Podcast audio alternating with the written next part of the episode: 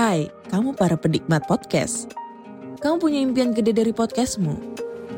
Terus First Story bisa banget bantu kamu. Mulai dari F-Link, Dynamic Audio Insertion, sampai statistik yang komprehensif. Semua ada di First Story. Gak ketinggalan kamu bisa monetisasi podcastmu lewat iklan dari First Story Ads yang bisa kasih kamu penghasilan dari setiap place podcastmu. Yuk gabung sekarang dengan klik di firststory.me. Sekali lagi, klik di firststory.me. Mari kita bawa mimpi podcastingmu menjadi kenyataan.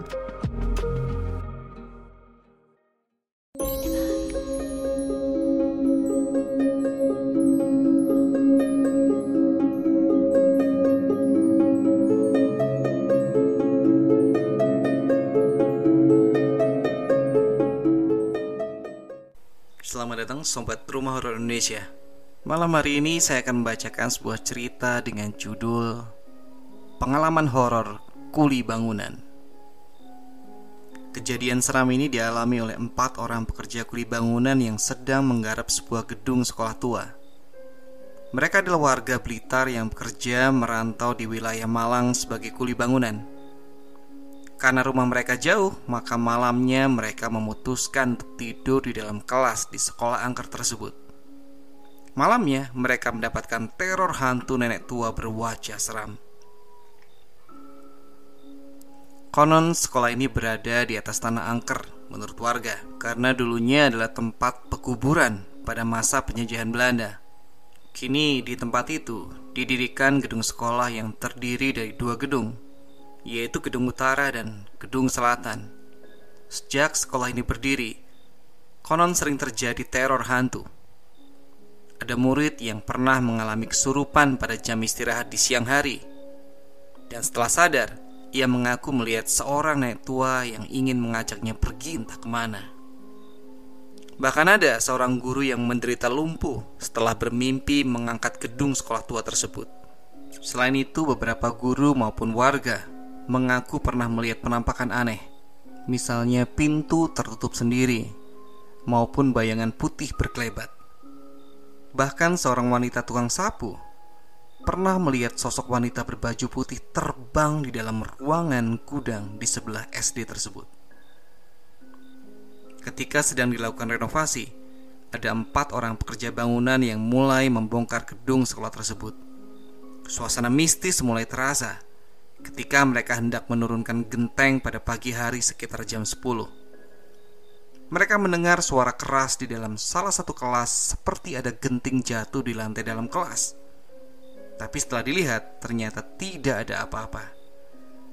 Maka mereka pun mulai pekerjaan membongkar genteng.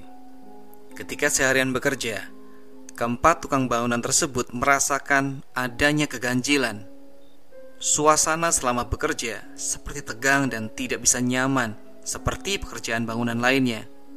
Ditambah lagi, udara pegunungan di Malang Selatan yang dingin menambah suasana semakin mistis. Menjelang tengah malam, ada suara orang mengetuk pintu. Lalu salah seorang bukanya karena mengira itu adalah mandor bangunan yang ingin masuk. Namun setelah pintu dibuka, ternyata tidak ada siapa pun di luar. Tanpa basa-basi mereka pun kembali melanjutkan tidurnya dengan pulas Kemudian tepat pada tengah malam Tiba-tiba seorang kuli bangunan berteriak keras dengan tangannya menunjuk ke arah pojok kelas. Mendengar teriakan keras tersebut, maka ketiga rekannya terbangun dan melihat apa yang ditunjuk oleh teman yang berteriak tersebut. Ternyata di pojok kelas ada sosok seorang nenek tua berwajah seram mengacung-acungkan sapu lidi ke arah mereka. Sosok wanita tua tersebut mengenakan pakaian hitam, berambut tebal berwarna putih dengan wajah buruk, serta matanya besar dan melotot. Hantu wanita tua tersebut tertawa terkekeh-kekeh sambil mengacungkan sapu lidinya ke arah para kuli bangunan dengan nada seperti mengancam. Maka kontan saja keempat kuli bangunan tersebut lari tanpa memakai sandal dan berebut pintu. Mereka lari sekencang-kencangnya sambil berteriak hantu. Semua barang-barang seperti selimut dan sarung mereka tinggal begitu saja. Mereka berlari ke arah jalan, namun suasana pedesaan begitu sunyi sepi serta gelap gulita, sehingga tidak ada warga yang menolong mereka. Mereka pun akhirnya menunggu di depan sekolah sampai pagi tiba. Ya, begitulah teman-teman cerita kita untuk malam hari ini. Semoga kalian terhibur. Selamat malam, selamat beristirahat.